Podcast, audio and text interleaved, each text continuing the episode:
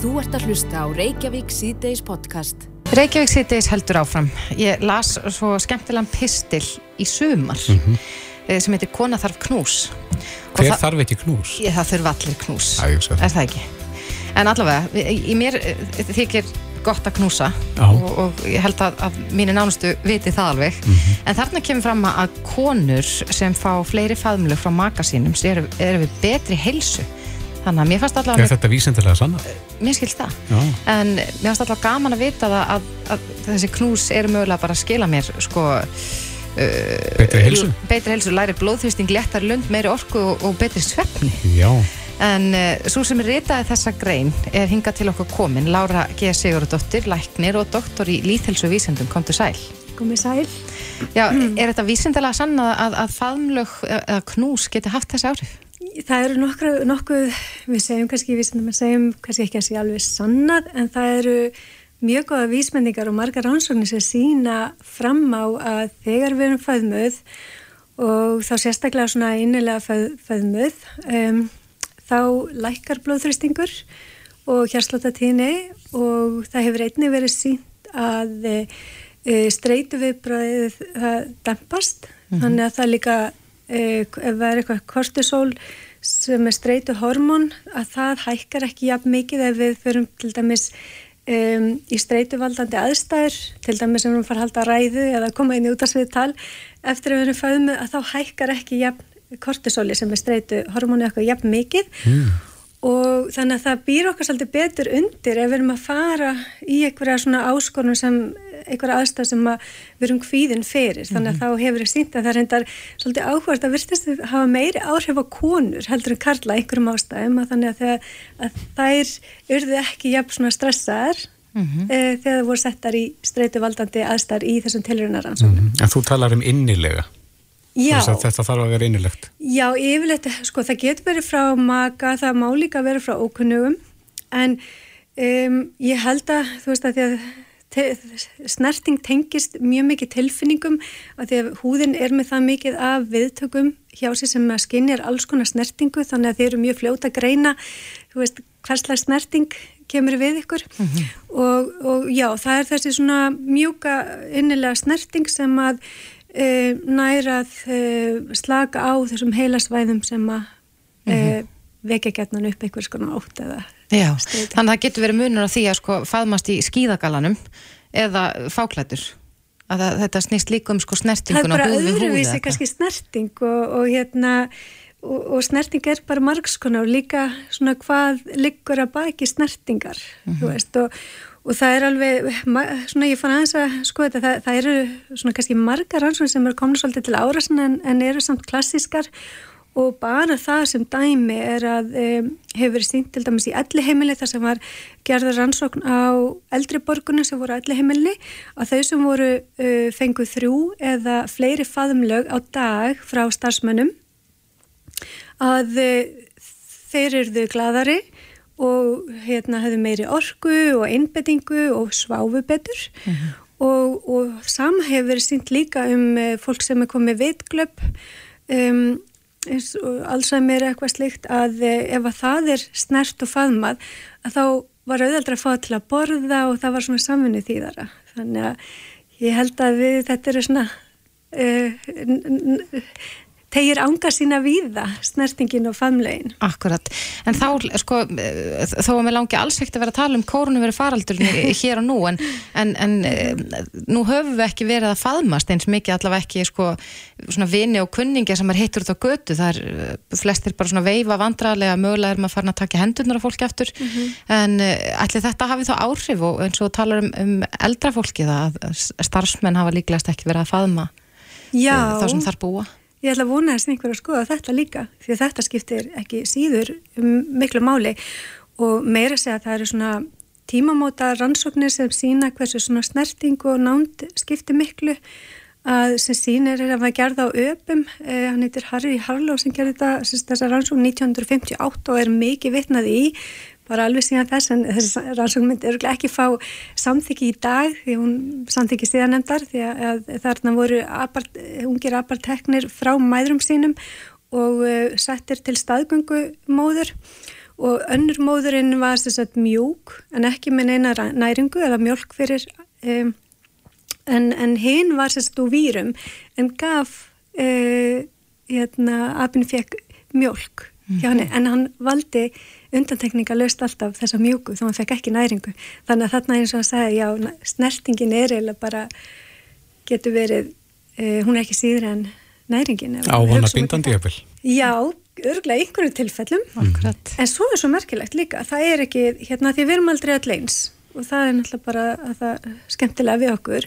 En það er einn hópur sem að kannski finnst ekki þessum hérna, snerting jafn góð og, um, og kannski svona margir aðrir en það er búið sína fram á að eh, sagt, eh, um 70% þeirra sem eru einhverfir að, að svona blíð snerting virkar öðruvísi hjá þeim. Mm -hmm. Þeim finnst hún óþægileg. Það er eins og, já, svona taugaviðbröðin þeir eru aðeins öðruvísi výra heldur nú jafnvel sérst alveg niður í ungbörn. Akkurat. Já. En það er líka, ég held að, að það sé ekkit eins og þú segir að þá eru við alls ekki öll eins og, mm -hmm. og þetta er, það er ekkit allir jafn sjúkir í faðmlu eins og, og sko næstimaður. Nei. Og það getur líka verið mismunandi. Mm -hmm. En e, þú mæli sem sagt með þá faðmlugum svona til þess að, að efla heilsuna?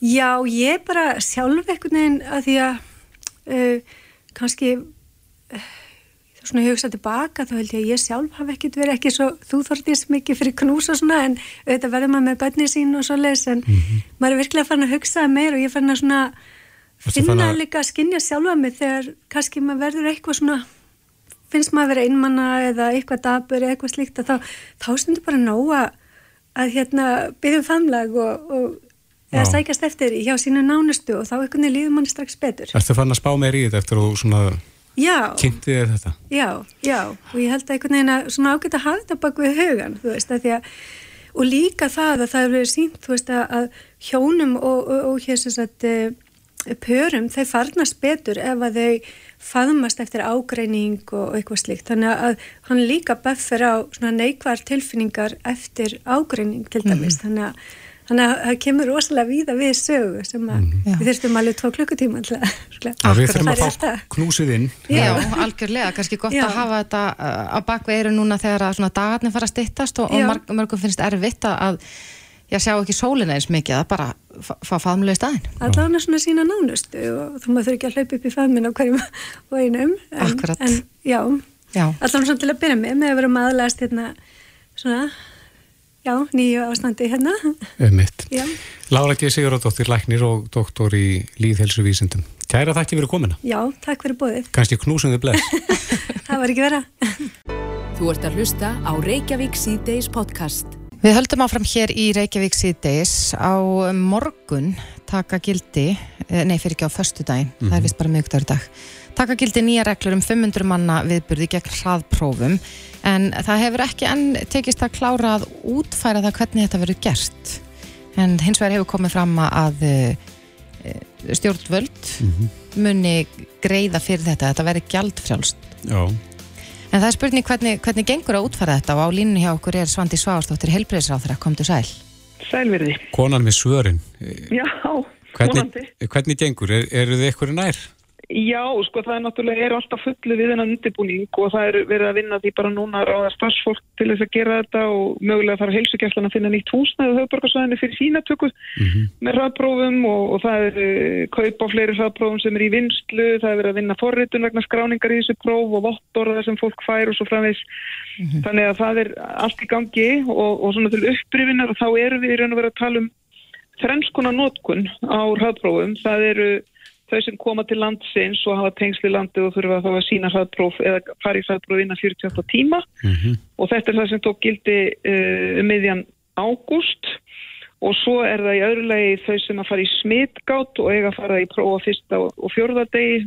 Þeim munið eftir þessari umræðum skólaböldn og námsmenn og öllum skólastöðum til þess að draga úr sóttkví. Uh, og þar uh, komu upp ákveðni byrjunauruleikar Eh, þar sem að, þar sem að þau fór, sem fór í smittgátt fengu ekki skilabúðum hraðprófstöku og það er verið að kippa þessu í liðin og verið vantarlega komið í rétt horf fyrir helgi. Og svo er það í þriðalagi þar sem að þið verið að spyrja um vegna viðburða fyrir fleiri en 200 manns þar sem að á að fella niður grímur innandira eftir að sestir og reglugerðin sem slík tekur þá gildi uh, á föstudaginn og undirbúningur er á fullu uh, og við erum í samtali við þessa stóru viðbröðhaldara uh, um framkvæmdina og við gerum ráð fyrir því eins og þið fóruð yfir að, að þetta er þið gæltfrjálst. Er það bara þessi prófin, ekki hinn tvö sem þú nefndir? Já, sko, það er náttúrulega mjög snúið að, að hérna, greina þar á milli. Þessi fyrsti flokkur sem er innan 48 tíma, það náttúrulega er gjaldfrjálst uh, af því að þetta er bara hlut á sóstunarástöðum stjórnvalda og það sama gildur um smittgátinu fyrst og fjórat degi en það sem hefur verið uh, hefur ekki verið gjaldfrjálst er auðvitað þegar fólk uh, ákveður af eigin segja, eigin frumkvæði að fara í, í hraðpróf. Uh, en, en við sjáum ekki betur en að það sé hljóti að vera eðlilegt að, að þetta sé að það sé eitt látið yfir alla ganga vegna það er bara flókið að útfæra það þannig að, að, að það sé maður borgir fyrir það stundum og stundum ekki. Og ríki hafa yfirleitt farið þessa leið. Þetta er sama leið og Danir fóru að vera með þetta gæltrálst Akkurat, en nú hafa undanförnu opnað hinnar ymsu já, svona stöðvar eins og í kringlunni engaðilar sem er að bjóða upp á svona raðbróf og þú talar um að helsugæslan á höfbrókarsvæðinu þurfum við mögulega húsnæðandi þetta. Hefur komið mm -hmm. til mhm. skoðunar að já, fá aðstof frá þessum aðlum? Já, ég meina það er náttúrulega sko þekking og reynsla sem er að vera til mjög víða í samfélaginu. En ég held að það sé uh, alveg ljóst að sko þetta fyrirkomulag, alveg burt sér frá því fyrir hvað við erum að nota þetta er alltaf bara varða á leiðinni yfir í eðlert líf sko. Þannig að þetta er eitthvað sem við erum að horfa til í einhverja vikur eða einhverja mánuði og verður auðvitað ekki til lengri uh, framtíðar þannig séð. En, en við sjáum alveg ákveðin, ákveðina samlegð í því. En, en heilsugjastlun og heilbúristofnaði hverju umdæmi uh, munur sjáum framkvæmt hraðprófuna sko samkvæmt reglugerðunum mm -hmm. og, og sjáum miðlag innkaup á hraðprófum og það er verið að vinna að útbóði sem að stendur á að vera auðlist í næstu viku þannig að þetta er svona allt í gangi og, og þangatinni auðvitað útbóðsleiku fyrir að þá mun heilsugjastlan kaupa prófin beint eins og, eins og hefur verið gert Eh, þannig að þetta er svona, eru í ansi mörg hotna líta við, við bæði innkaupin, skipulagið og framkvæmtina. Já, ég er svona bara þannig að það sé á hreinu kemur semst ekki til greina þá að leita til þessar aðila eins og sameindar og Já, sko, eins og, sko, ef maður bara horfir á þetta verkefni þá, þá er, sko, þá er þetta þessi eðlis að við getum ekki sagt fyrir það að hversu langt inn í framtíðin að þetta fyrirkomlag verður þannig að, þannig að það er snúið að gera samninga við aðila sem að fyrir þetta búa við öryggi í sínu rekstri til lengri -hmm. framtíðar mm -hmm. til þryggja mánuða, sex mánuða eitthvað slíkt en, en, en þessir aðilar eru hafa verið partur af myndinu núna í heldur tvo mánuði þegar allt er talið og, og eru alveg öruglega reyðbúinir aðlagast þessum breytingum núna og þegar að þegar þetta er orðið gældfrjálst á vegum ofnbæri aðeina þá náttúrulega veldur það breytingum á þessum rekstri. Það kippir vantarlega rekstargrundillinum undan þeim? Já, þetta er náttúrulega ekki eina starfsemi sem að þessar, þessir aðilar eru að hafa með höndum þannig að, þannig að það eru fleiri, fleiri verkefni sem að það mhm. eru undir. Hvað, hvað áalliði að verja háum fjárhæðum í þetta? Ég vildi ekki að svara því. Uh, við, sko, í fyrsta lagi þá vitum við ekki hversu algengt að verður að fólku noti þetta. Uh, sumi viðbúrahaldar að segja, já við viljum frekar vera með mörg 200 manna hólf þar sem við þurfum ekki að leggja það á áhrandur að mæta í, í hraðprófa undan og hafa aðstöðu til þess, til þess að geta verið með hólf þá þarf það að vera með hérna, salertins aðstöðu og svo framvegs. Á meðan að aðri segja sko að það er mikils virði að geta verið með 500 hólfi gegn þessu. En það er svolítið, ég heyri til dæmis að, að, að Harpa vil gera það en, en það er spurningamerki kannski í einhverjum leikúsunum um það hvort að það er eitthvað sem fólk vil gera. Og svo verður það auðvitað bara spurningin í framtíðina, ég menna er þetta eitthvað sem við sjáum fyrir okkur að sé partur af leiðinni til þess að opna meira aðra starfsemi eða, eða viljum við fara aðra leiðir í því og það hefur engin ákvörðum verið tekinu það, hvorki mm -hmm. magnið tíma þannig að við verðum enn og aftur að hafa bara fólimaðina í það að taka eitt skrif í enn. Fórsettisráður að talaði mikið að þetta væri ja, milli leikur á leiðinni í eðlilega samfélag og, og minnist þar aðeins á Dani að þeir hafa verið að nota þessi hraðpróf undarfarta mánuðin og bóða nú að, að hætta því mm -hmm. að gera þau og við sjáum líka fréttir að Danir eru veru bara að já, afleta flestum takmörkunum í landinu innan fara daga. Mm -hmm. e, e, við að halda í vonina að, að þetta sé það sem koma skal hjá okkur? Já, ég held að, ég meina þetta, þetta endar með því, það er alveg ljóst en, en spurningin er hvena það gerist og, og, og með hvaða aðdraðandan og vorum að heyra um nýjum afbröðum en þá að dukka upp út í heimi. Uh, við náttúrulega losuðum allt hér fyrsta júli uh, þannig að við vorum að stíga það skref þá. Uh, þannig að þetta verður áfram þessi þessi dans en, en volandi er við meira að stíga inn í venjulegt samfélag heldur en að fara tilbaka inn í einhverja herðingar. Já. Það segir hérna í frétt inn á vef Ríkis útafsins að, að 4.000 konur sem hafði beðið alltaf 7 mánuð eftir að fá niðurstur úr leghálstímun fengur sögur í dag. Já. Varstu búin að heyra því? Já, ég hitti nýjan yfirleikni í morgun uh, þar sem við vorum að fara svona yfir stöðuna því þetta er auðvitað tvíliða sko í fyrsta lagi er þetta sínatakkan, framkvæmdinn, rannsóknin og svo framvegs og hins vegar er það bara umræðan í samfélagin og kynning á þessum uh, þessu fyrirkomulegi en þetta er sannarlega alveg gríðarlega mikilvægur uh, kapli sem að er að lokast vonandi núna með því að allar konur sé að fá svör og, og, hérna, og ég fagna því sérstaklega og vonast þetta til þess að, að þetta fari að verða þannig að fyrirkomulegi verði þannig að öllum sé sómi að og, og það sé mm. með öryggi hvenna uh, leðaljósi. Akkurat. Taland um skeiman er að þá byrtist frétt á vísi.is í dag og þar er sagt frá því að um 1400 konur býð eftir niðurstu úr myndatökum í ágúst og, og þar að veru 280 konur sem voru með enkenni og þetta snýra að sko brjóstamyndagreiningu og já, ímislegt sagt í þessari frétt og, og meðal annars talaði um að brjósta miðstöðun sem að á að vera starfandi hafa ekki verið stopnuð. Hver er staðan á því máli? Já, ég veit ekki. Ég allavega fór í heimsókn þarna í brjóstamiðstöð Þannig þannig að hún var þá starfandi og, og ég heyri að það sé að vera inn konur og svo framvegs. Ég, ég hef ekki séð neitt um þetta umfram það sem kemur fram í þessari frétt, þannig að ég get ekki tjána um það. Nei, en eh, yfir læknin, eða læknin sem starfaði að náður talar um að verið sé að gera tilraunir á, á konum. Hefur þetta já, mál bara, ratað á borð til þín? Nei, ég bara get ekki tjána um þetta. Ég hef engar upplýsingar um þetta mál og, og bara kalla eftir þeim. Akkurat. Já, það er í Ímishortna líta og við munum líklegast á, á næstu dögum fá að sjá hvernig eh, já, útfærslan á þessum hraðprófum verður. Svandi Sváastóttir, helbriðsráþra, takk kærlega fyrir þetta. Takk. Þetta er Reykjavík C-Days podcast. Reykjavík C-Days á bylginni heldur áfram. Eh, í gær voru gerða breytingar á reglugerð eh, og þetta var það þá flugfarþega mm -hmm. eða Íslandinga sem er að koma aftur heim frá útlandum. Já og þetta þýðir að, að frá með deginum í dag getur, geta Íslendika ferast til útlanda án þess að hætta að festast erlendis Já. vegna þess að nú er ekki hægt að senja Íslendikum um, um heimför mm. Þurfa er ekki að sína þá neikvægt próf við byrðingu? Nei, ekki erlendis nefnilega en, en þú þart samt held ég áfram að sína þau eh, sína PCR-prófið vissulega hér við komuna til landsins mm -hmm. En þetta tekur þess að kvöða af flugfélónum? Akkurat og eru breytingar fyrir þau. En hinga til okkar er komin Snorri Birgisson fórstuðumar Öryggisviðs Play, kom til sæl Sæl Já þetta hlýtur að hafa verið á ykkar könnu á sínum tíma þegar að þið þurftuð vissulega að skoða PCR-próf hjá öllum eh, Erlendis. Jú, mikið rétt, þetta hefur verið á könnu í raun og veru flugafgjörsla aðila hjá okkur e, á öllum útstöðunum, það er að segja áfangastöðum Erlendis fyrir e, þá ferðamenn sem eru að koma til Íslands. Og, og það hefur náttúrulega farið mikil vinna í það að skoða öll þessi vottorð sem eru ekki bara vegabrið í dag eða, eða eitthvað stíkt, það er líka bólusetninga vottorð og ef þú hefur smittast að COVID þá ertu með ákveð vottorð sem sýnir fram á aðstanna síkingu og síðan ofan það bættist við náttúrulega að, að staðfesta það að farþegi geti framvísað neikvæðu PCR eða antigen hraðprófi mm -hmm. og þetta er raun og veru að hafa okkar flugafgjörslu aðlar verið að gera núna í raun og veru síðan regluverki tók gildi 27. júli og hérna og síðan bara er þessi breyting sem ásist að sem þið vísið til og hún alltaf ásist að kemur fram í gær e, breytingin hún, einmitt, hún tekur ekki til samt sko sem áður að, að þetta eru tvö regluverk sem eru þarna að, að vinna í raun og veru í þessu það er sem sagt reglugerðum um sínatökur á landamærum sem að er einhverju snýra því sem að gerist á landamærunum, þar segir komusalunum hérna á keflægulugli mm -hmm.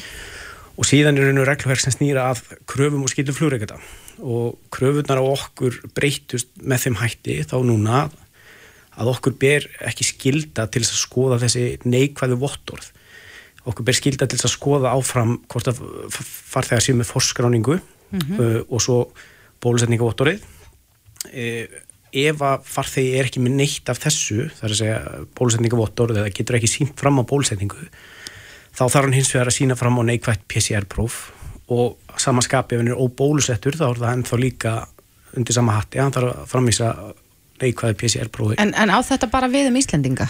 Nei, nei. Þessar þessa reglur breyting? Nei, nei, þetta á náttúrulega bara við um ferðamenn sem eru komið til Íslands, eh, alla ferðamenn í þessu regluverki er náttúrulega, var hefur svo sem verið líka þessi krafa að, að, að Íslendingar uh, geti komist heim þó að þeir hafi ekki framvísað við ekki play náttúrulega tókum aðeins uh, stegum aðeins fasta niður og, hérna, og ákvæðum að ef enginn geti framvísað neikvæð PCR-vottorði mm -hmm. eða antigenprófi þá myndum við ekki leipa honum um borð Voru margir sem er lendið í því? E, nei, það voru ekki margir, það voru nokkur, nokkur, nokkur tilvik, e, við erum að tala um að, að þetta hafi gæst í e, færri en tíu tilvikum þar sem að farþegar voru ekki með mm -hmm. neikvæð vottorð. En fólk þarf samt sem áður að sína þessi stjöl á landamærum? Já, og það er það sem að má ekki miskilast að, að okkar mati, að, að farþegar sko, þó að, að flugreikandi sé ekki að byggja um þessi vottorð fyrir fólk sem er að koma til Íslands, það er að segja frá flugstöð Erlendis mm -hmm. að þá, þá geti farþegi þurft að far, framvisa þessu í flugstöð Leifs Eiríkssonar mm -hmm. en, en hvað ef maður er ekki bara með þetta vottorð og, og kannski býst við að vera þurfa að sína það Erlendis hvað gerist ef maður er ekki með það þegar maður kemur hingað heim? E, það, við því eru einhver, einhver, einhvers konar sektir sem að snýra af heilbriðis uh, e, það er að segja þessar reglugjær sem að heilbriðsandvika út mm -hmm og uh, í raun og veru er það algjörlega óskilt og ótengt í sem að flugreikanda, þessar reglugjur sem snýra flugreikandum, þar sem, sem að það er í raun og veru annað, annars, annars eðlis í raun og veru. Mm -hmm. Landamærin, eins og, eins og maður reynir að útskýra þetta mjög svona einfalt að landamærin eru með sér reglugjur varandi þær kröfur sem eru að farþegar sem eru að koma til landsins og síðan koma þessar kröfur á flugreikandur sem að í raun og veru eru síðan e, settar á, á okkur af hálfu okkar stjórnvalds e, sagt, okkar hérna af samgöngustofu mm -hmm. samgöngustofa sendir út leifinningar sem að fjallar um okkar kröfur og, og skildur og í þessum nýju kröfum er það tekið út að við þurfum að vera að, hérna, að skoða þessi vottorð en mhm. ynga síður að, að hvetja fólk til þess að vera með þessi vottorð sjálfsögðu að því að þetta eru skilir við komuna til landsins Og svo voru, heyrðust nú sögur að því uh, hér í, í ágúst allavega að það voru einhver, allavega einhver flugfyrir sem að syndu ekki þessari skildu sinni.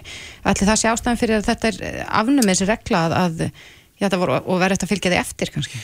Ég er nú ekki, ekki maður til þess að dæmi það sko, hvort, að, hvort að það hefur ástæðan en, en hins vegar er það náttúrulega, er þetta náttúrulega svolítið þungt í vöfum. Það er, það er ónýttur alveg rétt. Þetta er, þetta er, þetta er mikið af pappísfarkani sem þarf að skoða við innritun þetta léttir verulega á og þetta líka í raun og veru kemur kannski e, til móts við farþegar sem að eru kannski vottorslausir, hafa ekki sótt sér vottorð og eru í flugstöðunni á leðinu heim að þeir eru ekki skildir eftir, þeir komast alltaf heim mm -hmm. og það er síðan bara það sem að í raun og veru gerst á landamærum, það sem að í raun og veru áframhalda þeirra máli fer fram, hvernig sem það fer í hvað farveg sem það fer mm -hmm. Það snori, eigur þetta ekki líkotnar á því að það fljúa með eitthvað sýttir einstaklingar? Um, við náttúrulega eins og, eins og stanir í dag að þá er krafan ekki á okkur að skoða vottorðin þannig að, að, og hún var það ekki fyrir þessa breytingu þannig að við, við vonum auðvitað ekki að fólk sé að fljúa síkt en, en það er náttúrulega við getum ómögulega komist að því með, með, með þessari mm. breytingu Er grímuskyldaðan borð? Það er grímuskyldaðan borð, já mm -hmm.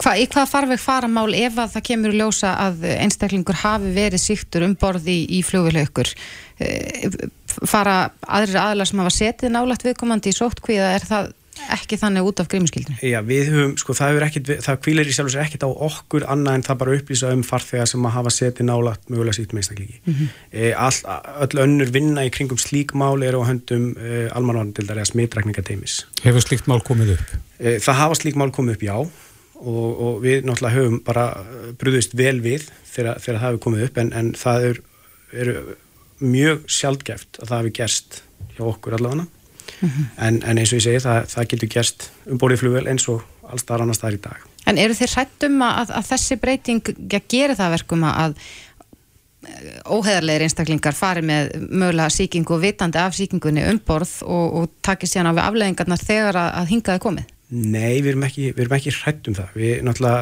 við verðum alltaf að trúa það besta í fólki að, að fólk sé ekki þannig að það er gert að það vilji vera valdur að því að smita fleiri. E, ábyrðin alltaf kvíli svolítið núna á farþegunum mm -hmm. uh, í raun og vera að vera með sín mál á hreinu gagvart uh, landamærunum. Að vera með þessi, þessi vottor, þess að neikvært PCR eða antigen. Og, og, hérna, og, og við treystum á það allavega okkar farþegar séu þannig að hérna, ef að þeir greinist jákvæðir að þeir, þeir sæti þá þeirri í raun og veru ráðstöðun sem þau þurfa að sæta erlendis en hins vegar með þessu með þessi breytingu þá náttúrulega erum við ekki að skoða þessi fótó lengur. Mm -hmm. Snorri Birgisson fórstöðum að Röryggisviðs Play. Takk fyrir komina Takk fyrir. Reykjavík síðdeis á Bilginni podcast Jæja, Reykjavík síðdeis heldur áfram og við höldum áfram yfirrið okkar yfir stefnumál flokkana sem að bjóða til þings núna Akkurat, við fengum til okkar formann sjálfstæðsflokksins í gær og í dag er komin til okkar Haldur Móhansson, oddviti Pírata í Reykjavík Norður og þingflokksformaður Pírata, kom til sæl. Já, sæl, takk. Það fyrir nýbúin að kynna ykkar stefnumál, ef að renna þessi yfir þau, helstu? Já, við getum gert það. Þetta er svona, sko, kjarnin í þessu er daldið líðræði, veist, líðræði ekkert kæftæði og ástæðan fyrir því við tölum um það þannig er að að líðræði er ekki bara um, bara svona kostningar á fjara fresti, heldur er svona sín á stjórnmál það er þessi hugmyndum að ebla getur fólks til þess að taka þátt í samfélaginu mm -hmm. sem hlýtur svona að vera hlutverkins ofinbera að, að, að hjálpa fólki að taka þátt mm -hmm. og þess vegna tölum við um þetta líðræði ekkert kæftæði og við í raun og veru svona tengjum það við um, breytingar í, í efnahagsmálum, efnahagskerfi 2001. aldar tölum við um og uh, að taka á lofslagsmálanum um, það er nýja stjórnarskráin varnir gegn spillingu og brótækja breytingar í sjávarútveginum og svo endi við í ykkur sem við kallum velsælda samfélagið sem er svona aldrei framtíða sín pírata En haldur að viljið þið, þú talar um að ebla líðræðið, mm -hmm. viljið þið gera það með auknum þjóðaratkvæðskriðslum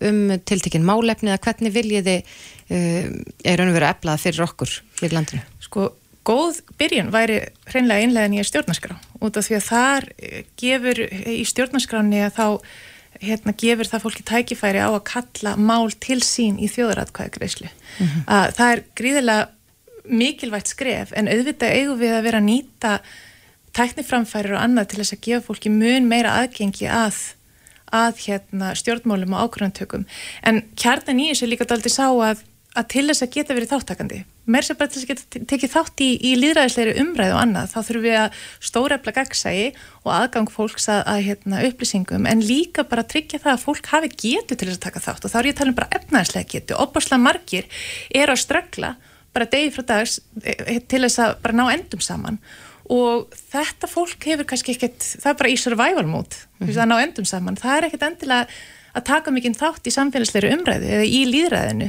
og þess vegna skiptir svo miklu máli að tryggja svona, og þessi framtíða sín pírata tryggja grunn framfæslu fólks til þess, að, til þess að tryggja það að það geti allir tekið þátt og það hafi allir rödd og hafi tíma, efnaðslegan sveianleika og geti til þess að taka þátt í samfélaginu. Og því að við ætlum að svona taka á þessum helstu áskorunum að samtímans lofslagsmál og, og aukin hérna ójöfnur og, og annað þá þurfum við að hafa alla með Þið talið um efnahagskerfi 2001. aldarinnar. Mm -hmm. Hvað eigið þið við með því? Sko, það er að segja ný hérna, mælitæki í staðis ennblín og hagvöxt. Já, það er hluti af þessu og það eru hugmyndir, það er til dæmis eitthvað sem OECD hefur verið að halda auðvarum.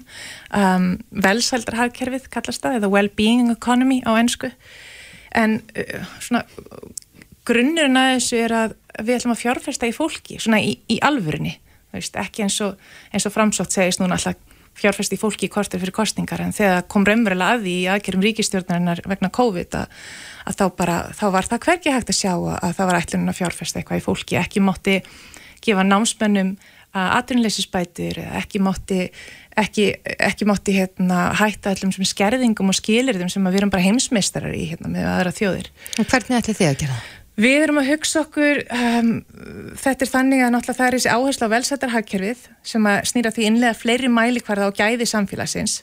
Um, þannig að við erum ekki bara með fókus á hagvöxtin heldur líka bara helbriði þjóðurinnar, uh, náttúran, loslasmál og bara hvað, hvað er velsælt, hvernig, hvernig hérna, mæli við hamingi þjóðurinnar.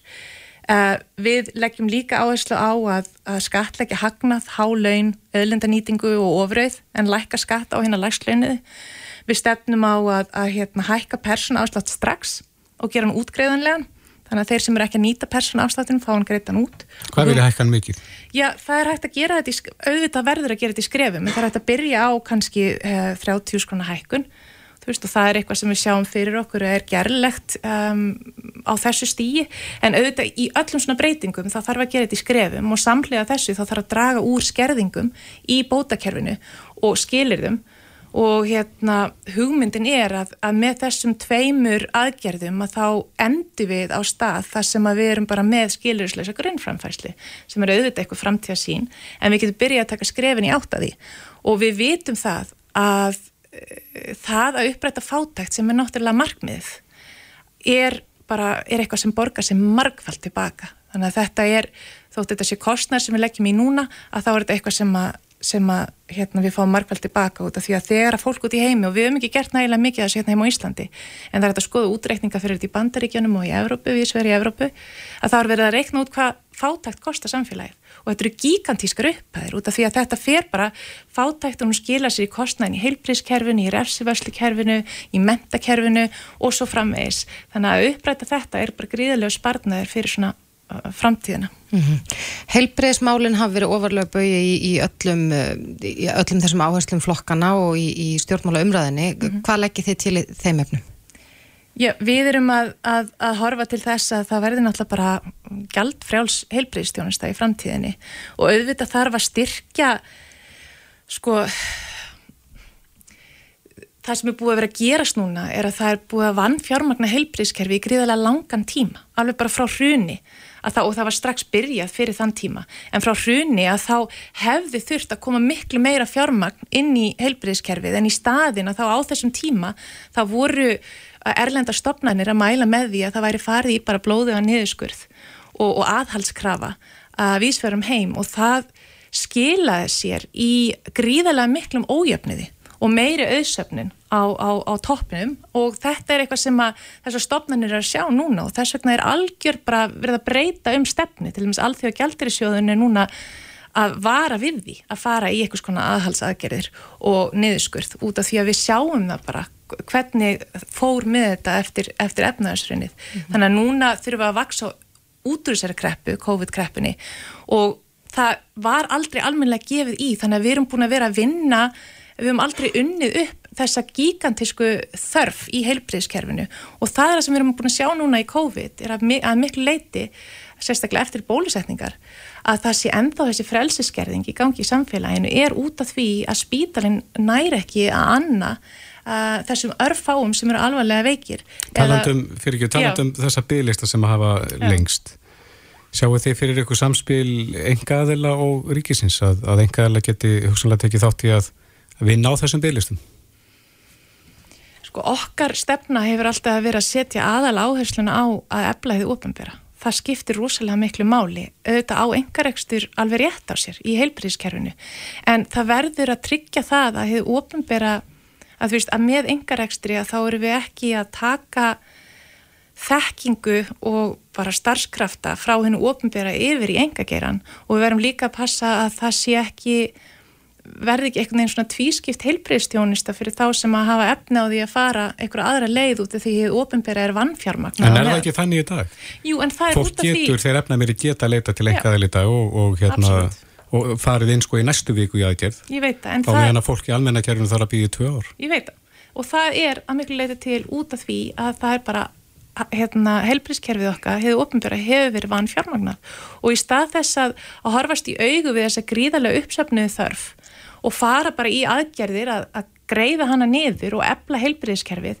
að þá er einhvern veginn alltaf ætlast til þess að fólk hlaupi bara hraðar og við erum að sjá það að starfsfólkin í heilbríðskerfinu er bara að brenna út, það er búið að vera ætlast til þess að hlaupi hraður og hraður og hraður núna í meira en áratug og það gengur náttúrulega ekki lengur. Þannig að þetta er um, opaslega mikilvægur þáttur í þessu að, að bara að passa upp á það að við séum ekki að lenda í því sem er núna, að það sé svona tvö uh, heilbríðskerfi í gangi, það er eitthvað sem við myndum komið í veg fyrir og þá bara á alls ekki. Og þetta er held í grunnurinn að þessu að tryggja það að það sé aldrei nefnd að græða á veiku fólki, bara ef ég segi þetta á, á, á mannamáli, veist, þá ekki að vera einhver hagnaður sem kemur út úr engageiranum sem að er verið að græða út til eiganda og annað út af því að það er bara, það eru rángir kvatar, við verðum að passa kvatarnir séu réttir. Akkurat. Eitthvað fleira sem þú vilt koma framfæra áður að, að tíminn klárast?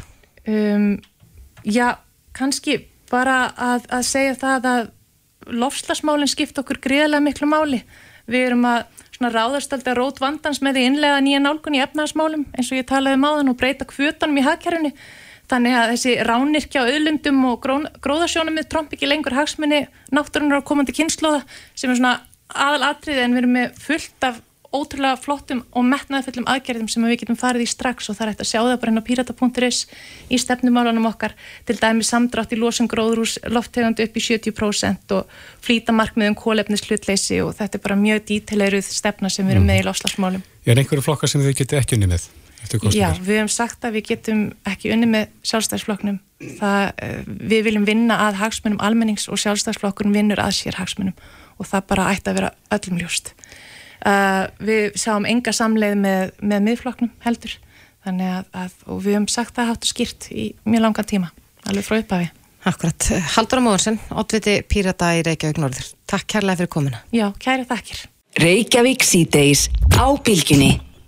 Jæja, nú hefur verið tilkynnt að uh, verslanir í það mesta bónus og krónan alltaf afnema grímustjildu í sínu verslinu? Akkurat, það barst tilkynningi gær frá krónunum um að frá með deginum í dag er mm. þið mhm. grímu skilda afnumin í verslunum krónunar og það má segja það sama um bónus frá mm. með deginum í dag, þá verður ekki lengur grímu skilda í verslunum og það er áhugavert að hann segir hér í, í viðtali á vísi.is hann frangatastjóri bónus að hann finnir fyrir mikil grímu þreitu meðal almennings Já við vorum auðvitað orðin vönið að þurfa ekki að vera með grímur mm -hmm. og svo var þetta sett aftur á og það var svona ákveðin skellur en auðvitað allir uh, tilbúinir að setja upp grímuna til þess að, að forðast smitt. En verslunni dekk líka eins lengra og uh, tók upp grímuskildu sko að ég segi ekki af ástæðu lausu en, en, en verslunni nákvæða svolítið að hafa grímuskilduna hjá sér svona til að taka allan vafa. Akkurat, en það var þeim í sjálfsvald sett hvort að grím, það erði grímuskilda en, mm. en þetta snýst alltaf um, um sko fjarlæðar mörkin, þetta þarf að vera einn metur á milli manna. Einmitt. Á línunni hjá okkur er Andrés Magnússon frangátastjóri samtaka Verslunar þjónustu. Kom til sætla Andrés Sælveri þeim eh, Telur þú að fleiri eh, verslanir muni, muni fylgja eh, bónus og krónni? Það er mjög trúlega að fleiri fylgja í kjálfari þetta er alveg hár rétt sem að sagt hefur verið að það er e, greinlega mikil þreita í fólki gagvar þessari, e, þessari skildu. Það er ju þannig eins og kom fram hjá okkur áðan að það var, e, fyrirtækinu var í sjálfsvöld sett hvortu innleitu grímuskildu hjá sér eður ei. Skildan sem áðeng fýlir er að tryggja einsmetra fjallaðareglu.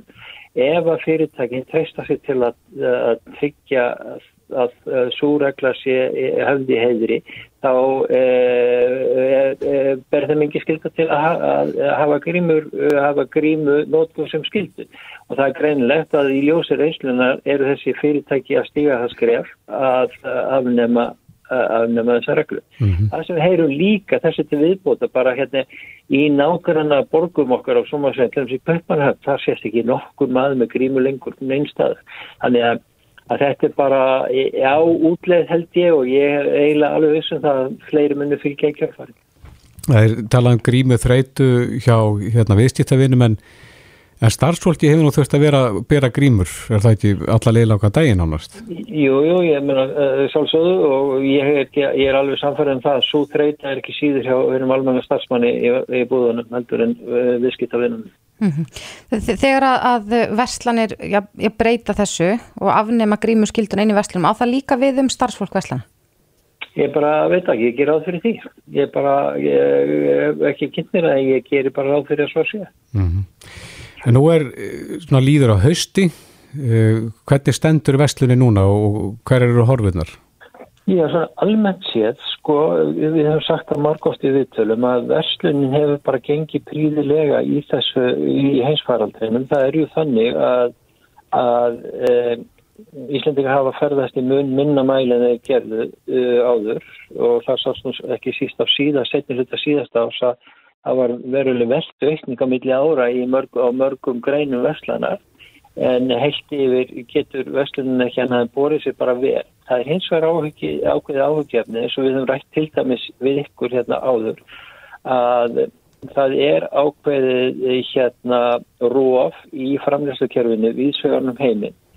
Og núna þegar að uh, jólin nálgast og sátími nálgast uh, er óneitalega ákvæmnar áhyggjur af því að frambóð af nöðsynlegum vörum, vörur sem eru engum og sérlega í bóði á þeim tíma sem við höndverð, þeir verði kannski ekki, e, e, e, það verði ekki nægilegt frambóð þeim. Þetta heyrir maður meira meira það er, einhver, það er fyrst og fremst vegna þess að framleiðslu kerfið við svega, til dæmis í Asið, það sem stór hluti af yðnaðvöru með framleið hefur ekki gengið sem skildi vegna COVID. Mm -hmm. Munum við sjá þetta í herra vöru verði? Já sko það er náttúrulega bara og, og ekki bara þetta, það er líka það sem við, ég hef líka rætt á þessu vettvangi áður er að við hefum séð gífulega hækkanir á öllum uh, flutningskostnaði. Mm -hmm. Það er mun minna frambóð á flutningsmöguleikum frá stórum mörgöðunum í Asíu. Það er að sjö uh, staðstu hafnir í heimi eru bara í Kína. Sjö staðstu hafnir í Kína hljóðstæðstu hefnir í heimi eru í Kína og það er, eh, hefur verið vandamál allt frá því að COVID-faraldurinn byrjaði að það er ekki nægilegt frambóð á uh, flutningsmöguleikum á þessum, uh, þessum öngusýkningalegum milli heimsálfa í þessu tilfelli frá Asju til Evrópu Já. og það bara segir sér sjálf að það hefur verið hérna hækkað um 10% og þetta er margótt komið fram í umræðinu undanförnu og þetta náttúrulega bara eins og annar aukin kostnæðar eh, fer með einu með öðrum hætti út í verla. Það er ekki, eh, það er engin, eh, engin ný sannindi. Er, er von á slíku fljóðlega? Ég, þetta er bara þegar orðið, skilur, þetta er búið að vera viðvarandi vandamálu, við erum búin að, þetta er búið að vera í umræðin, þetta er margóft komið fram í, í viðskiptakálfum fjölmiðlana, í greinum og í fjölmiðlum, í viðtali, við, viðtölu við mig og fleiri að þetta vandamál væri til staða. Það er að tala um hækkunin að hún skilir svo út í verðlæðið?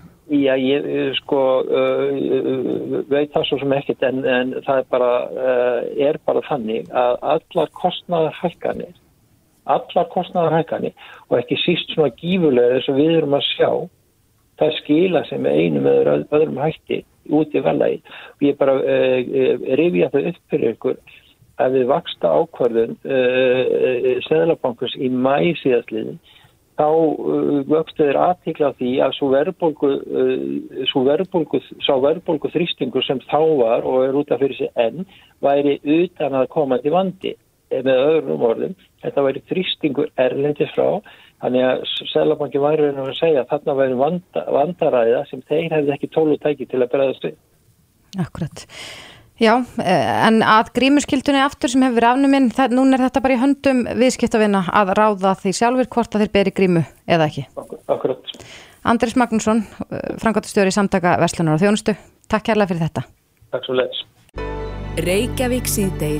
Á Bilginni podcast. Jæja, Reykjavík síðdeis, almannavarnir hafa líst yfir e, óvissu stígi vegna skaftárhlaups.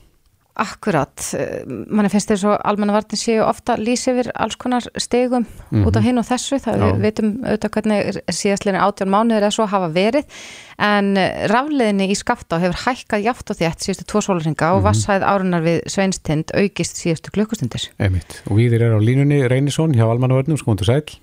Komið sæl. Já, hvað þýðir þetta? Hvað er að gerast þegar rafleginni neikst? Já, það bendir sem til þess að jarðhittavatn sé uh, makk þessi aukast í áni og, sem er þá vísbendingum þá að einhvers konar hlaup sé hefjast og í þessu tilfelli þá þekki við skaft á ágætlega og, og hún kemur sem þessi hlaup koma úr tveimur skaftarköllum sem er í vatniðarli mm -hmm. og núna er menna að, að leiða þeir líkur að úr vestari kallinu sé að hlaupa núna. Akkurat, er það, er það sami staður og, og fyrir tveimur árum síðan í september 2019 þegar síðast hljóp úr kallinum? Já, þetta eru svona þessi tveir vestar og austari kallarnir sem að hlaupa svona e, til skiptis og, og það kom úr vestari kallinum 2019. Akkurat. Og þessi hlaup eru svona, þau geta alveg verið stór og, og hafa, hafa áhrif en, en þessi hlaup úr, úr vestari kallinum eru, eru minni, það sapnast minna vatni í honum. Akkurat, hvaða afleðingar getur þetta haft uh, við þér og, og er einhverja spárum það hversu, já, hversu stórt þetta verður? Nei, það er einlega við þetta að við erum ekki með eins, eins góða, góð mælitækja þessum kalli eins og þessum stóra mm -hmm. en uh, það máli búast við því að þetta verður þokkalega stórt og, og, og hérna, hefur þau áhrif að, að svona ef þetta fer í þau svona, svona hvað ég segi þegar maður þau, það hámar sem við þekkjum á þessum kalli þá getur þau alltaf áhrif á að logist vegir, það lokast vantarlega hálendisveri eins og við hólaskjól það er mjög algengt að það logist mm -hmm. og, og síðan er, er alltaf hættan að þú verður eitt að þetta hafi áhrif þar í, í eldröðinu. Er einhver mannverki í hættu? Það er náttúrulega aldrei af, af brúm og, og vegum hann en það er eins og, eins og þetta er núna þá er ekki talin einn hætt á því að, að, að það verði. Við, við munum kannski eftir hlaupinu þegar að þegar brúin yfir eldvatna og ása skemmtist í, í skáttarlöfi en nú er komið ný brú þar sem, að, sem að er betri heldur en og á öðrum stað heldur en gamla var þannig að hún er, hún er ekki talin í verðinu hættu í, í jafnvel þó hlaupin verður talveg starri heldur en þetta mm -hmm. En viðir, þið hafi líst yfir óvissu stígi, hvað þýðir það? Þetta er sem svona lagsta stíg almannavarna kervisins og það þýðir bara það að við erum að auka vökturuna og, og bæta við mælingum sérfræðingar, vatnamælingar sérfræðingar veðastofna, þeir eru fáðin á staðin að, að mæla og fylgjast betur með það er uh, náttúru og sérfræðingarnir á veðastofunni þeir, þeir setja hættu upp á vekkjásir og fylgjast með allan, allan daginn við fundum með þeim minnst ást einu svona dag til þess að fara við stöðuna og, og lauruglið völd heim í hérraði og, og og þeir sem geta árið fyrir áhrifum að þessu eins og í skaftatungunum að þeir, þeir eru upplýstir. Mm -hmm. Þetta er svona vöktunar og viðvörunarferli. Þið varir fólk við að vera á ferli á þessu svæðu það ekki? Jú, það er sko nokkur aðrið sem er gott að hafa í huga í, í tengslu við svona hlaup. Það er náttúrulega fyrsta lagi getur, getur þetta gert til dæla rætt á ákveðnum stöðum og mann lókist inni. Síðan eru líka fylgja þessum hlaupum eh, eiturgurs, brennstirfetni og sem getur verið mjög hættulegt. Mm -hmm. Hvað áhrif getur við... það haft á, á fólk? Já, þetta uh, skemmir slímhúðina, þetta getur farið í augun og ef það þarf hún í lungun að, að þá hérna, getur þetta haft varanlega áhrif við, við höfum dæmið um það að, að fólk hafi lett í alveg veikindum sem hefur verið á nálagt, nálagt hérna, austökunum, þetta er auðvitað mest efst og við jökulinn og dvínar því lengra sem að, sem að hérna, lengra frá, frá austökunum sem, sem henn eru. En þessi brennistinslikt sem er þekkja sem að fylgir svona hlaupum að, að hún er þá bara væg þessu, það er ofta að, að hérna, ef þú finnur ekki lengur líktina þá er magni fara að vera meira og þú líktaskilið fara að stemmast mm. þetta getur verið mjög varasamt ef mennir óna álagt Já, geta myndast alltaf einhver skyndiflóð? Það er alltaf hægt á því svona að, að sérstaklega ef það, kannski, ef það brotna mikið að jökum með það, það getur hugsanlega stípla einhver, einhver staðar svona uppið upptökin og og síðan hlaupið eitthvað, eitthvað meira þar en, en skaftarfarvegurinn í sjálfu þér er svo opinn og þetta er svo algengt að það er ekki, ekki svona algengt að það myndist einhver, einhver lón sem er síðan bresta eitthvað slíkt, sko, það er ekki, ekki mjög Nei. Er, er þetta árlegt fyrirbæri?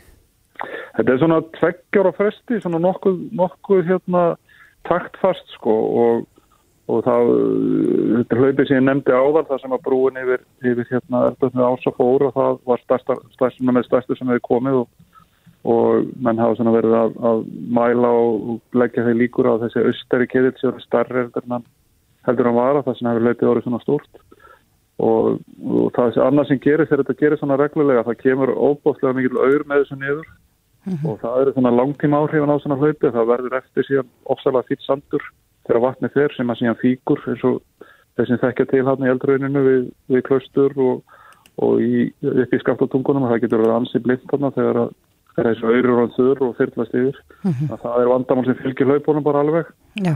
og síðan annað sem, að, sem hefur líka gert þess að þetta auðurinn smá saman stíplar svona náttúrulegar leiðir vassins inn í eldröðinu og, og, og gerir það verkum að það sapnast meira upp og flýtur þá upp á veginn eins og eins og gerðist 2019. Eh, Akkurat, en hvað, hvað varir svona lengi, svona, já, venjulega eða, eða að meðaltali? Það er svona sem erfitt að segja, þetta er spurning hvernig þetta, hvað þetta rýs rætt, hvað er, hvað er hérna lengi að tæma, þannig að þetta tekur eiginlega svona tvo sólarhingan á hámarki og, og, og hérna fær síðan sjátna eftir það og eins og segi þetta er, þetta er svona aðeins með sem millir hlaupa hvernig hvað, hvað þetta rýs rætt og þá hvað þetta er fljótt að tæma sig í því sko. Já, Viðir Einarsson, yfir lauruglu þjótt hjá Almannavarnatild Ríkislauruglustjóra. Kæra þætti fyrir þetta. Takk samanlegis. Hlustaðu hvena sem er á Reykjavík C-Days podcast. Reykjavík síðdeis, þannig einn frétt sem að uh, manni blöskar að lesa hérna fyrir nokkrum dögum síðan. En uh, það er fréttin af þessum uh, manni sem að pintaði og drap skóafröst mörg ára hún lífi með nýfi og, og þótti bara hafa nokkuð gaman af. Já, hann, þessi frétt byrtist í fréttablaðinu og, og já, þar er fjallað um þetta myndband sem hann byrti á samfélagsmiðlum sem var held í 45 sekundna langt þar sem Mhm. að hann er að pynta dýrið og endar svo á að, drepa þröstin.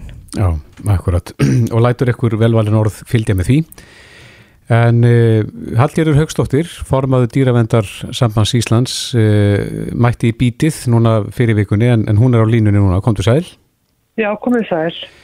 uh, Veist þú hefur orðin, orðið eitthvað breyting á þessu máli frá því að þú komst í bítið? Ekki svo ég viti. Við náttúrulega fáum við sjálfur sér ekkert að vita um þau mál sem eru til aðtjónu hjá matalastofnum. Nei En fáið þið er fáið engin- tilkynningar um svona mál komið þið þeim áleiðis eða í farveg eða Já, ef, ef að við sjáum að það er ekki verið að gera neitt í málum, en þegar við sjáum að það er verið að vinna í málum, að þá er í sjálfur sér óþarfi að tilkynna einu sinni enn, sko. En hvernig, sko, eh, samkvæmt við lögum um velferð dýra að þá ber matvælastofnun ekki samt að, sagt, að, að kæra þennan mann uh, til lauruglu fyrir þetta sæðilega aðtafi? Já, það er þeirra að leggja mat á það hvað þau kæra og hvað þau sekta. Þau syns að það hafa heimil til að áminna og svo næsta stið fyrir ofan sekta og síðan að syns kæra til lauruglu í alvarlegustu málum. Mm Veistu hvort að það sé algengt að, að slík mál rati til lauruglu eftir að, matvælastofnun hefur tekið út í skoðunar? Já, sko, matalastofnun er eini aðilin á landinu sem að raunverulega má kæra svona mál til lauruglu. Þannig að það er í einu skipti sem það gerist eða sem að lauruglu tekur við slíkum kærum. En já, já, ég veit um það, til til dæmis um daginn þessi fugl sem að uh, fannst sem hafi verið málaður, það er komið til lauruglu, matalastofnun beinti því til lauruglu að rannsaka það. En eru, eru lögin, þar að segja, er tekið á dýranýð með nógu sterkum afgjörandi hætti í lögunum? Sko, það er aldrei aldrei mál. Lagabókstafurinn er eitt og framkvæmd er annar eins og oft er. Það er okkar að mata alls ekki sér tekið nægilega vel á málum þegar það verður að pynta eða meða dýr. Uh, þótt að sko lögin heimili það. Uh, við hérna, svo hefur líka verið aldrei svona særindi út af því að domstólar hafa í raun og veru líka bara dæmt mjög vægt í þessum málum. Það var hérna maður sem að drekti hundi einhvern veginn um árið með því að binda hann í dekk og láta hann svona mara þarna einhvern veginn þannig að hann druknaði. Hann fekk minni með 100 árs konar sagt og mátti ekki eiga dýr í einhvern tiltekki tíma. Þetta finnst manni nú hálf lélikt með að við þjáninga dýrsins. Já. Finnst þér almennt gert lítið úr svona málum þar sem að dýra eiga í hlut? Mér finnst almennt vera veigurinn gagvart í að taka á þessum málum, já. Það er ákveðin veigurinn gagvart í að gagvart svona gildi dýra þegar kemur að þessu. Akkur heldur að það sé? Ég veit ekki, þetta er alltaf skilt þessu með til dæmis að með ekki nota sömu orði vera dýr borði og geti og borði að degi og drepist. Þetta er svona einhver veigurinn að vera svona kannski rann að halda dýrum svolítið öðrum stað. Þannig að það er viðkvæmt mál að bera saman til dæmis dóma gagvart ofbeldi, gagvart fólki og gagvart dýrum enda þótt um sé að ræða lífveru með sama tögakerfi og sömu þjáningu. Þannig að þetta er svona alltaf umhugsunarefni sko. Akkurat. En um, já, nú getur maður ekki eins og reynd að setja sig þau spóra að, að nýðast á dýri með þessum hætti. Um, er þetta, stendur þetta í stað tölfræðin í kringum þessi mál heldur að, að þetta sé að farist í aukan eða hvort þetta sé já, bara svipað og, og vanalega? Sko, það er eitt sem ég hef tekið eftir, um, eftir að hafa fylgst með þessum málum alltaf tíma, að stundum spænist fólk upp í að gera svona eitthvað vegna þess að það, því finnst það einhvern veginn öðrandi eða gaman eða eitthvað, eins og er að gerast þarna þegar einhverju unglingar er að kasta ketti fyrir bíl. Þetta er auðvitað ákveðin félagslega gjörð, þetta er ákveðin svona ákveðin gap þarna í félagslífið þessara drengja sem gera verkum með að gera þetta. Og ef að allt fer alveg á hlýðina, sem er náttúrulega á að gera, en ef það gerir það, þá er alveg líklegt að svona strákar að sama sögahúsi takja upp á að gera það sama, því að þá sé þetta orðið aldrei skemmtilegt hjá þeim, sko. og þetta er fólk sem bara fattar ekki hvaða þjáningu það er að valda og við þurfum auðvitað að hafa í huga þurfum að krakka að þá er kannski annað skilningur eða minni skilningur eins og hlutum heldur en hjá fullandi fólki að það er ekki það sama þegar fullari maður tekur dýr og pyntar til döða eða, eða dreipur það sko Mm -hmm. en, en já, ég hef tekið eftir þetta kemur alltaf í bylgjum og núna til dæmis sko eru nokkur mál í gangi að þetta sem þeir eru að tala um og svo þetta með kvættin og sem var hendur í bílinn og svo þetta með hundin sem var bundið fyrir augun og munnin á sem ég talaði um þarna í bítinu um daginn og það er líka komið til mast og það var, það var þannig að það er svona og þarna vilist vera sko ólíkar ástæður í tilfellina sem er bundið fyrir munn og auga hundsins þá virðist að það hafi verið tilhjörn bara til þess að hafa stjórn á hundinum. Með náttúrulega aðferðin sem hann náttúrulega má ekki nota sko. Já, já. en í þessu tilfelli með hennan þröst þá ætlum ég að segja og þótt að sko ef ég nota hérna orðið síðblinda eða satismi þá er ég ekki að tala um þennan mann eða greina þennan mann. Ég er ekki þessi umkominn. En það er hins vegar þekkt að það er satismi í fólki. Fólk, það er þekkt þetta fyrirbæri og siðblinda er þekkt fyrirbæri sem samansamt tiltekina hegðunar munstra og, og hugsunum munstra en það er eins og við gerum aldrei ráð fyrir þessu þóttu við viðum um þetta. Og í þessu tilfelli til dæmis ef það áviðum þennan mann þá finnst mér alveg fortakslust að hann eigi ekki að fá að halda þessu köttum sem hann er með. Akkurat. ef hann finnst í lagi að pynta eitt dýr þá á hann ekki að fá að halda neitt dýr Akkurat, þú hefur, hefur nú lesið fréttir um þetta mál og, og, og fylst með því. Þætti þér við hæfi að, að ef að manneska fremur slíkt ódæði að, að hún meri refsa fyrir og ekki bara sektað? Já, Líkt og mér lögin gera ráð fyrir.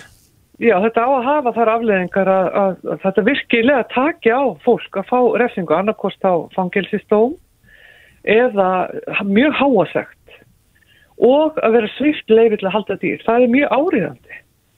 Einmitt. Já, það er spurning hvað verður úr þessu máli. Þetta er skilst okkur komið til matalastofnunar og þeir eru með það til skoðunar hjá sér. Já, ég ætla að nefna annað dæmi ef ég má. Mm Það var hérna um árið þegar hérna bóndin dró kúna til dauða. Hann sé að batt hana aftan í bílinn sinn og dró hana þangar til hún datt eða stóð ekki og svo dró hann hana áfram og svo þegar hann stoppaði þá var hún dauð. Hann fekk áminningu fyrir þetta og við fylgdum þessu máli eftir hjá þetta dýröðsambandinu og þá var okkur sagt að í rauninni kæmi þetta bara inn á þessa einu kú eða kýr. Hann var með fleiri nördgripi og hann er vel að hjælt þeim. Þrátt Og fyrir ég þetta. hef velt fyrir mér, já, ég hef velt fyrir mér alveg síðan hvernig allir nöttskripnir hafið það hjá hann. Er eitthvað sem að tekur það út? Já, matarstofnir náttúrulega veit alveg hvaða bæri þetta er og, og fylgist með þessum bæi eins og öðrum, en við vitum ekkert, við fáum ekkert að vita almenningur um framvindumála eða bara hver- hvernig er verið að vinna með þessi mál almennt. Nei. Það vantar mjög mikið þetta, fólk er mjög frústirir og reykt yfir þessum málum að það fær ekki að vita neitt um þetta. Það frétti bara af verknaðinum og svo bara er þögnin. Já, Nei. veit ekkert hvernig málin enda. Nei. Einmitt. Hallgerður Haugstóttir, formaður dýravendarsambands Íslands, við skulum uh, fylgja eftir þessu máli og, og reyna að fá fréttir að því hve- hvernig þetta gengur í kerfinu. En kæra þætti fyrir spjallið. Takk. En nú þurfum við að fara að skipta yfir á fréttastofuna. Þessum þætti er að ljúka. Já, erum við það að skrýði mark. Akkurat.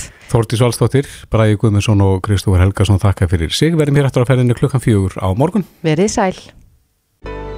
Þetta er Reykjavík C-Days podcast.